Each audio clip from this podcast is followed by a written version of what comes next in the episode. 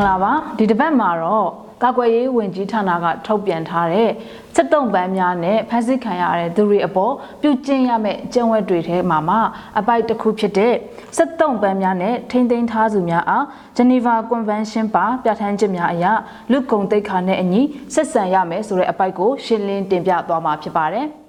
ဂျနီဗာကွန်ဗင်းရှင်းထဲမှာဘာတွေပြဋ္ဌာန်းထားသလဲဆိုတာကိုမပြောခင်စက်တုံပန်းဆိုတဲ့စကားရပ်ကိုအရင်ဆုံးရှင်းပြချင်ပါတယ်။ စစ်တုံးပန်းဆိုတဲ့စကားရက်ထဲမှာစစ်တပ်ကစစ်တီတွေတက်ဆိုင်ရာဒေသမှာရှိတဲ့ပြည်သူစစ်တွေအပြင်စစ်တပ်နဲ့အတူလိုက်ပါလာတဲ့အရက်သားများအားလုံးပါဝင်ပါတယ်။စစ်တုံးပန်းတွေကိုလူကုန်တိတ်ခါနဲ့အညီစစ်ဆန်ဖို့ကိုတော့တတိယဂျနီဗာကွန်ဗင်းရှင်းထဲမှာထည့်သွင်းဖော်ပြထားပါတယ်။အဲ့ဒီတော့လူကုန်တိတ်ခါနဲ့အညီစစ်ဆန်ဖို့ဆိုတာကဘာတွေလဲ။စာချုပ်ထဲမှာပြဋ္ဌာန်းထားတဲ့လူကုန်တိတ်ခါနဲ့အညီပြုမှုစစ်ဆန်ရမယ်ဆိုတဲ့အချက်တွေကတော့ စစ်တုံးပန်းတွေအပေါ်ညှဉ်းပန်းနှိပ်စက်တာစေဝါစံတက်မှုတွေမှာအသုံးပြုတာမျိုးမပြုလုပ်ဖို့ဥပဒေနဲ့မညီတဲ့အပြုအမူများမပြုလုပ်ဖို့ပုပ်ကိုရေးမကျေနပ်ချက်တွေနဲ့လက်စားချေတာမျိုးမပြုလုပ်ဖို့လူမျိုးဘာသာကိုယ်ကွယ်မှုနိုင်ငံရေးခံယူချက်မတူတာတွေကြောင့်ခွဲခြားဆက်ဆံတာမျိုးမပြုလုပ်ဖို့အထူးသဖြင့်အမျိုးသမီးစစ်တုံးပန်းများအပေါ်လိမ်ပိုင်းဆိုင်ရာစော်ကားမှုများမပြုလုပ်ဖို့ ဖန်ဆီးခံရတဲ့စက်တုံပန်းများအနေနဲ့မိမိရဲ့ကိုယ်ရေးအချက်လက်တွေကိုဖန်ဆီးထားသူများထံပေးအပ်ဖို့လုံခြုံတဲ့နေရာထိုင်ခင်းတွေအပြင်လိုအပ်တဲ့ဆေးဝါးအဝတ်အထည်နဲ့အစားအသောက်တွေပေးဖို့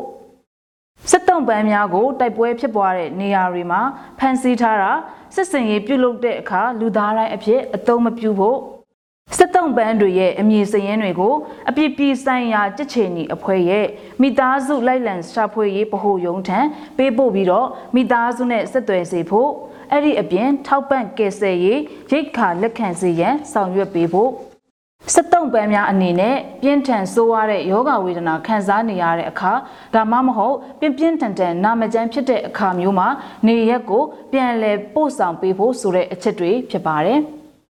စစ်တုံပန်းများဖြစ်နေသည့်တိုင်အောင်လူကုန်တိတ်ခါနဲ့အညီပြုမှုဆက်ဆံဖို့တတိယဂျနီဗာကွန်ဗင်းရှင်းထဲမှာဖော်ပြထားတာဖြစ်ပါတယ်။ပြမှုကျူးလွန်သည့်တိုင်အောင်မှာပြမှုကျူးလွန်တဲ့သူတွေအနေနဲ့ဥပဒေအရခုခံခြေပပိုင်ခွင့်ပေးထားတာကလည်းလူခွင့်ရေးတရက်ဖြစ်ပါတယ်။လူရယ်လို့ဖြစ်လာပြီဆိုရင်ဘယ်အခြေအနေဘယ်အချိန်ကမျိုးမှာပဲဖြစ်ဖြစ်လူကုန်တိတ်ခါရှိရှိစစ်ဆန်ခံပိုင်ခွင့်ရှိသလိုလူခွင့်ရေးတွေကိုလည်းခံစားပိုင်ခွင့်ရှိပါတယ်။ ပြည်သူလူထုတွေရဲ့အခွင့်အရေးကိုလေးစားဖို့ကာကွယ်ပေးဖို့နဲ့မြင့်တင်ဖြည့်ဆည်းပေးဖို့ကအစိုးရတွေရဲ့တာဝန်တရားဖြစ်ပါတယ်။